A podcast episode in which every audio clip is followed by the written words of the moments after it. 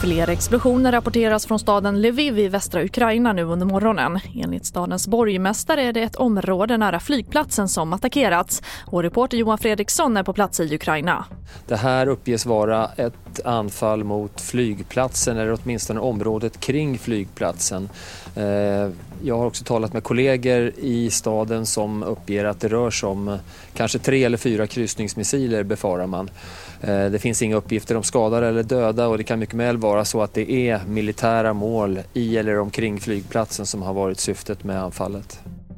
Och enligt en ny SIFO-undersökning som TV4 beställt är många oroliga för att Sverige ska drabbas av krig. Och med anledning av det pågående kriget i Ukraina ställdes frågan hur orolig är du för att Sverige ska dras in i en väpnad konflikt? Och svarsresultaten visar att 36% är ganska oroliga och 9% mycket oroliga, alltså mer än 4 av 10. Och kvinnor är mer oroliga än män. Och vill du se mer kring den här undersökningen kan du göra det på tv4.se.